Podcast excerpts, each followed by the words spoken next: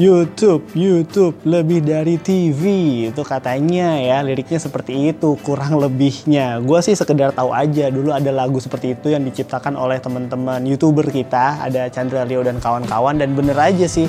Memang ada beberapa yang bilang TV masih tetap merajai tapi TV juga butuh youtuber dan akhirnya youtuber-youtuber tuh banyak yang ke TV dan sekarang setelah dari TV mereka mau merambah ke dunia berikutnya yaitu film dan gue bakal ngebahas itu di episode terbaru Cine Talk with me Adam Pratama.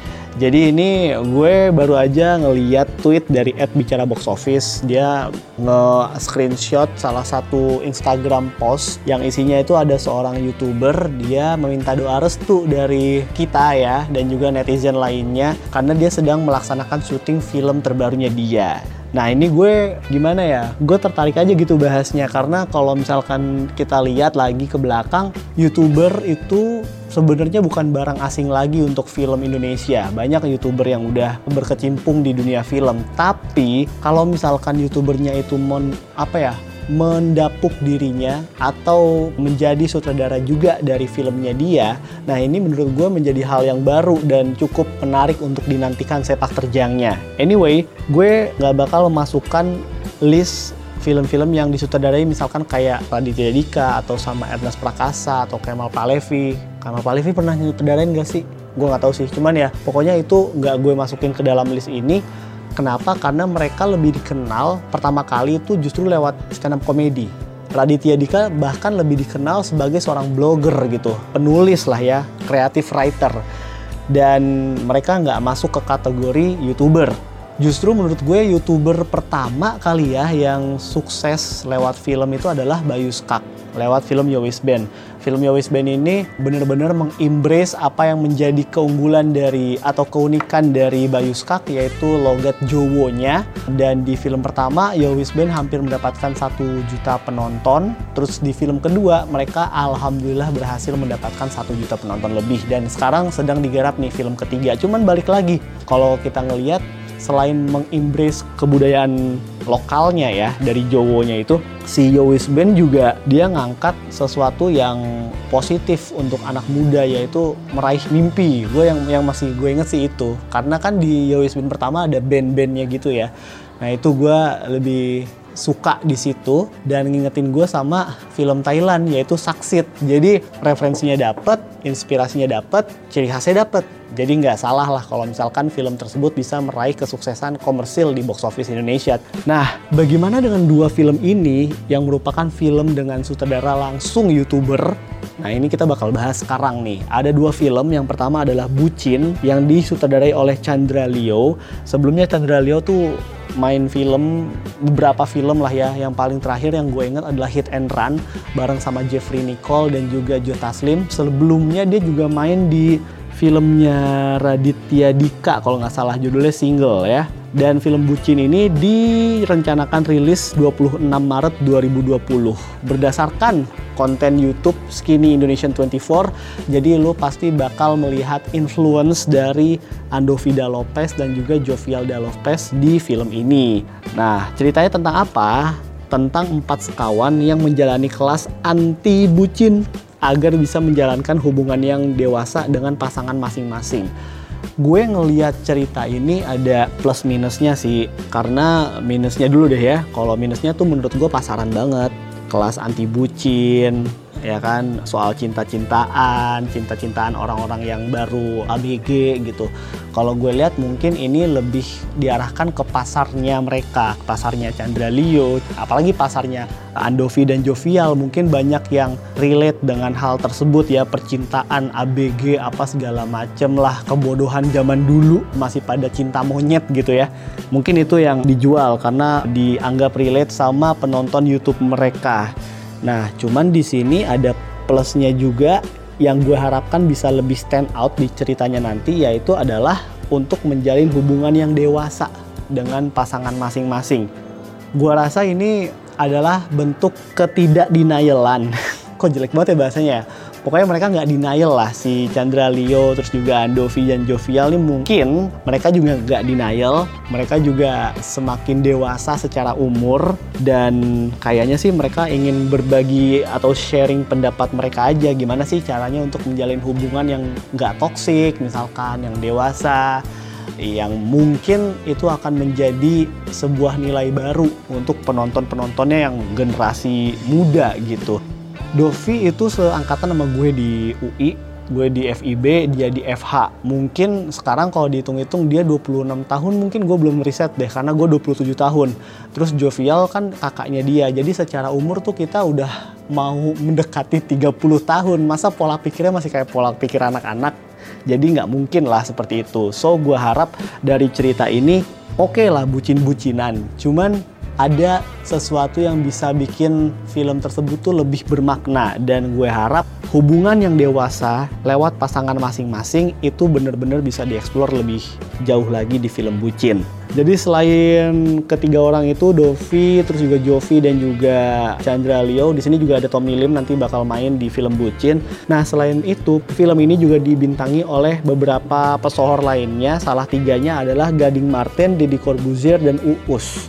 Nah untuk Gading Martin sendiri menurut gue bisa jadi faktor X lah ya untuk film ini. Apalagi buat kita yang memang suka nonton film gitu, nggak suka nonton YouTube. Kenapa? Karena Gading Martin adalah pemenang aktor utama terbaik di FFI lewat film Love for Sale ya dengan aksi garbol-garbolnya itu ya.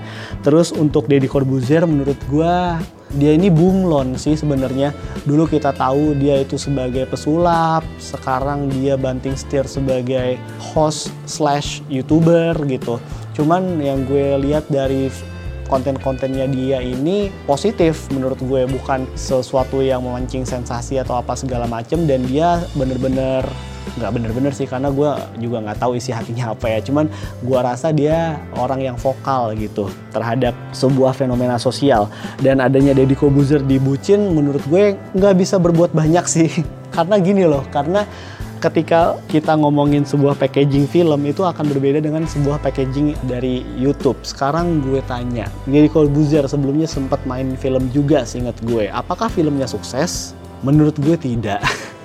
sukses dalam artian box office gitu nyampe sejuta penonton atau dapat critical praise dari akun-akun film atau dari reviewer film atau dari kritikus film menurut gua enggak sih. Jadi mungkin dia berjaya di YouTube tapi movie is another thing untuk gua ya. Kemudian ada Uus juga. Nah, kalau Uus nih dia udah beberapa kali main film walaupun ya statusnya itu sebagai pemeran pendukung dia juga bisa memberi warna kepada filmnya karena dia juga seorang stand up komedian yang mungkin menurut gue akan membantu film ini karena youtuber belum tentu lucu menurut gue ya lihat aja Andovi juga nggak lucu kok Andovi Jovial tuh nggak lucu-lucu amat lah orangnya cuman di sini mungkin perannya Uus bisa membantu cuman gue nggak tahu nih nanti perannya dia itu segede apa. Sebelum dibucin gue nonton dia di Imperfect jadi orang tidak berguna ya.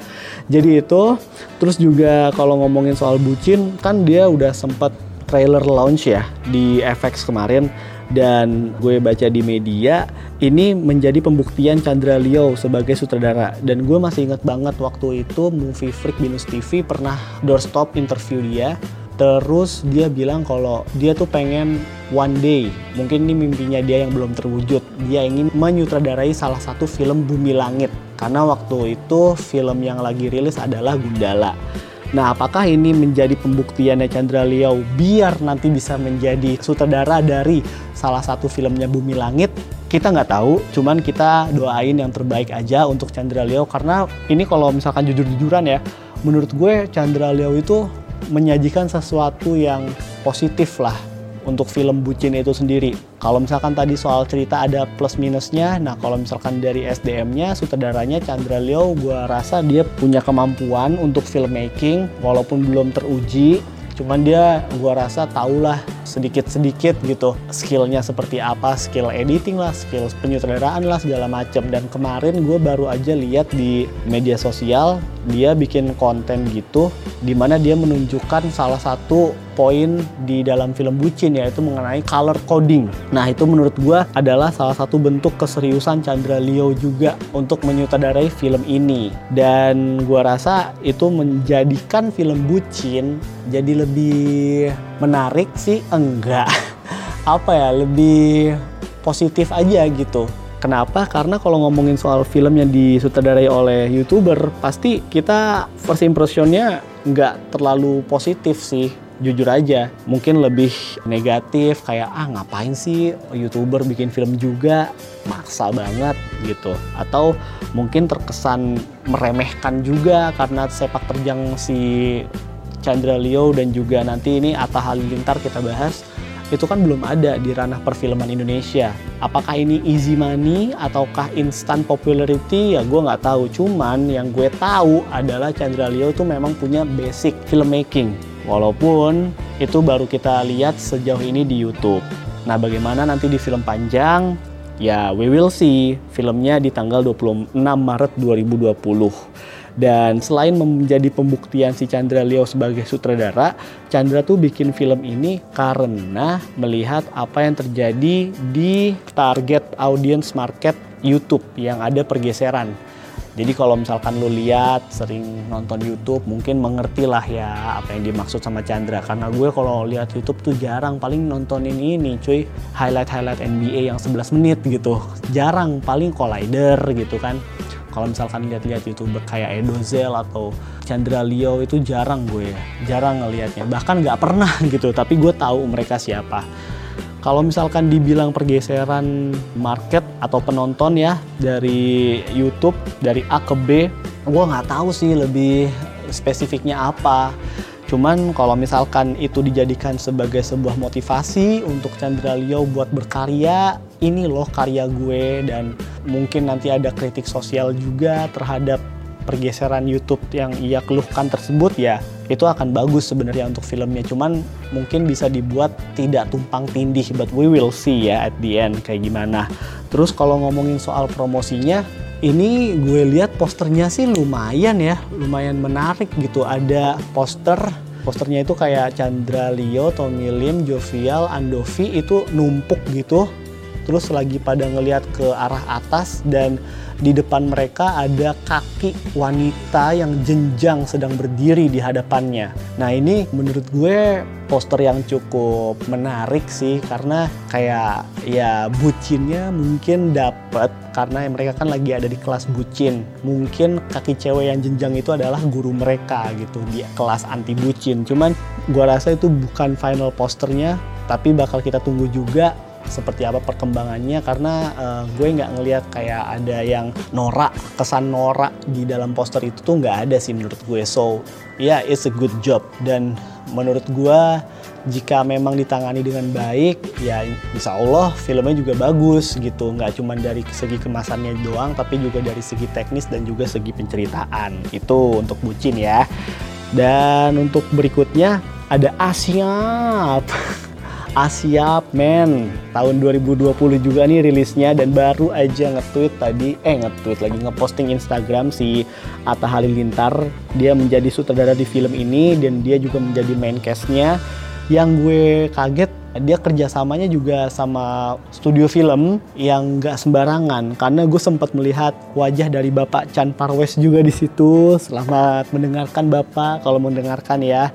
Terus juga di dalam postingannya si Atta Halilintar tuh sudah memberikan tagar semua bisa jadi pahlawan. Nah itu, jadi tagarnya udah disiapin juga yang uh, mungkin menurut mereka catchy. Kalau menurut gue sih biasa aja. Cuman gini loh, yang gue salut dari Atta adalah dia tuh bener-bener bisa bikin satu ciri khas yang dia banget. Walaupun ciri khasnya itu mungkin bukan selera orang kebanyakan. Pertama, dari Asia itu ungkapan yang dia banget dia dong yang punya dan kalau misalkan kita denger gitu ya ah siap nah itu tuh pasti langsung ke Ata dan itu langsung ngelekat gitu kuat banget di situ itu salah satu kekuatan dimiliki yang dimiliki Atta dan Asyap langsung dijadikan judul filmnya Asyap Man. Dia tahu kekuatannya dia di situ mungkin untuk bikin orang ngeh dulu sebelum memancing orangnya datang ke bioskop setelah itu. Kemudian yang jadi keunikannya dia itu adalah bandananya, terus juga rambutnya warna-warni gitu kan. Memang menurut gue alay banget sih ini, cuman ya itu memang gayanya dia. Cuman kalau ngomongin soal penampilan, justru di sini Ata menghilangkan bandana dan berkumis juga. Kalau misalkan lu lihat di akun Instagramnya dia, rambutnya jadi kayak Indomie. Kayak keriting-keriting keribo gitu. Cuman menurut gue juga kalau dilihat-lihat lagi secara lebih saksama, itu kok rambutnya kayak wig banget ya. Kayak ke kelihatan banget palsunya. Cuman ya itu caranya dia mungkin effortnya untuk merubah karakter dia. Gue sih salut aja. Menurut gue bagi seseorang yang benar-benar merubah tampilannya dia dari apa yang ia bikin sejauh ini di Instagram, di YouTube, akhirnya dia ubah bener-bener mungkin 180 derajat di film. Gue sih salut aja walaupun mungkin perubahannya nggak terlalu total karena kalau dilihat dari rambutnya sih menurut gue itu wig ya, bukan rambut asli. But ya, namanya juga effort.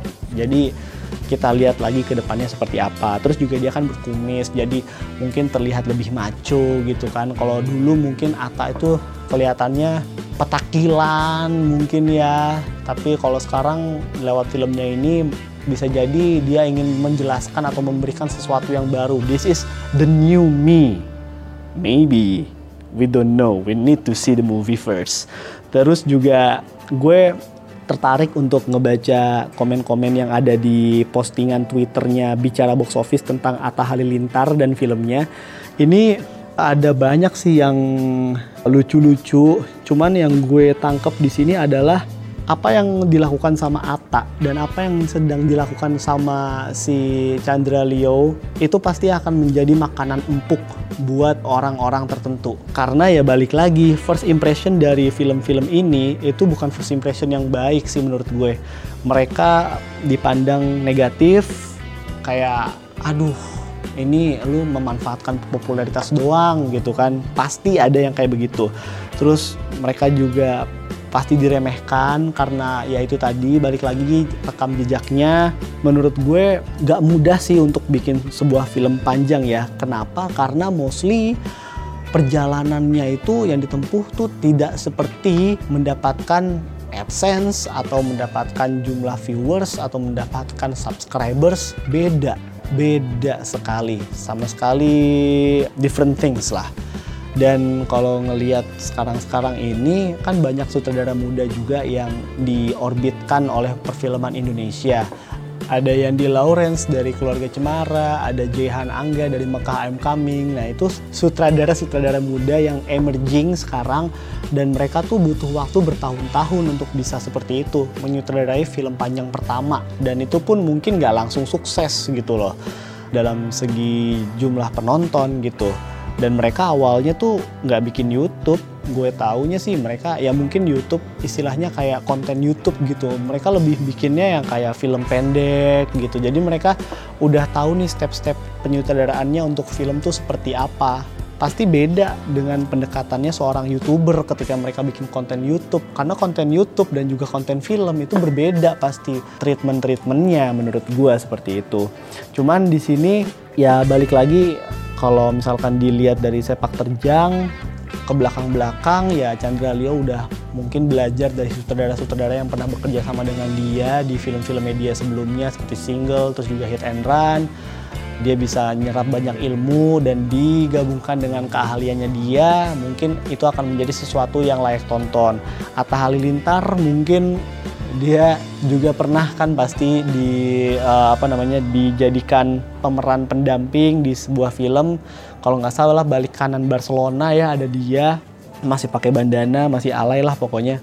Mungkin dia bisa belajar dari situ dan dipadukan juga dengan skill-skillnya dia. But it's a totally different game sebenarnya. Nggak mudah untuk bisa bikin film panjang gitu Dan selain itu ya selera penonton juga pasti akan berbeda antara film panjang dan film pendek dan juga konten YouTube gitu. Semuanya akan balik sebenarnya ke ceritanya masing-masing. Dan akun film tadi pasti udah bakal vokal banget untuk hal-hal yang seperti ini. Apakah itu akan dimanfaatkan oleh tim marketingnya atau itu akan di counter sama timnya? Gue nggak tahu cuman itu akan balik lagi ke hasil akhir. Kalau misalkan bagus ya ya oke. Okay. bisa mungkin bisa mengikuti jejak Yowis Band atau mungkin lebih lebih bagus lagi. Karena ini mungkin kalau sukses akan menjadi kebanggaan tersendiri buat mereka. Karena mereka adalah youtuber belum pernah bikin film panjang. Dan ini adalah film panjang mereka itu pasti mereka bakal seneng banget. Cuman balik lagi harus siap-siap untuk mendapatkan kritik dan bahkan kritik pedas dari media dan juga akun-akun film baik itu di sosial media Instagram ataupun Twitter atau mungkin Facebook. Terus juga mereka harus bisa meng mengatasi first impression yang memang sudah terlanjur negatif. Itu PR-PR-nya banyak karena kita juga nggak bisa langsung telan mentah-mentah aja. Toh juga kita bukan fansnya Ata, gue juga bukan fansnya Chandra Leo, bukan fansnya Andovi, jovial dan segala macem nonton YouTube mereka aja jarang jarang banget gue gue cuma nonton yang waktu si Andovi nanya-nanyain anak UI doang tapi itu juga cuma sekali dua kali Atta Halilintar belum pernah nonton segala macem cuman gue tahu mereka itu memang anak-anak muda yang berkarya emerging banget di dunia industri hiburan Indonesia. Jadi kalau misalkan mereka mau mencoba sesuatu yang baru yaitu film itu sah-sah aja. Cuman tantangannya pasti akan jauh lebih berat dibandingkan di YouTube. Itu chillers ternyata ya. Jadi untuk bucin, untuk Asyap men, gue ucapin good luck. Gue jujur nggak bisa berharap banyak ke dua film ini karena ada banyak poin yang masih meragukan buat gue. Cuman gue melihat kalau dari segi ceritanya aja, bucin itu punya satu titik terang yaitu mengenai pendewasaan dalam berhubungan dengan pasangan. Terus juga kalau misalkan Asia Men juga dia punya titik terang juga sih sebenarnya walaupun mereka belum kasih tahu itu tentang apa filmnya. Tapi gue bisa ngelihat kalau ini merupakan sesuatu yang baru dari Atta Halilintar dan dia ingin menginspirasi banyak orang lewat tampilannya yang baru dari biasanya. Terus juga gue lihat tagarnya kan semua bisa jadi pahlawan kalau misalkan itu bisa dikembangkan dengan baik dan bisa menyentuh hati orang banyak, bisa bikin kita invest, bukan tidak mungkin filmnya juga bisa bakal sukses. Kita doain aja ke depannya seperti apa. Dan thank you banget buat chillers yang udah dengerin gue dari beberapa menit ke belakang. Kita ketemu lagi di podcast Cinetalk episode berikutnya. Bye. Salam YouTube.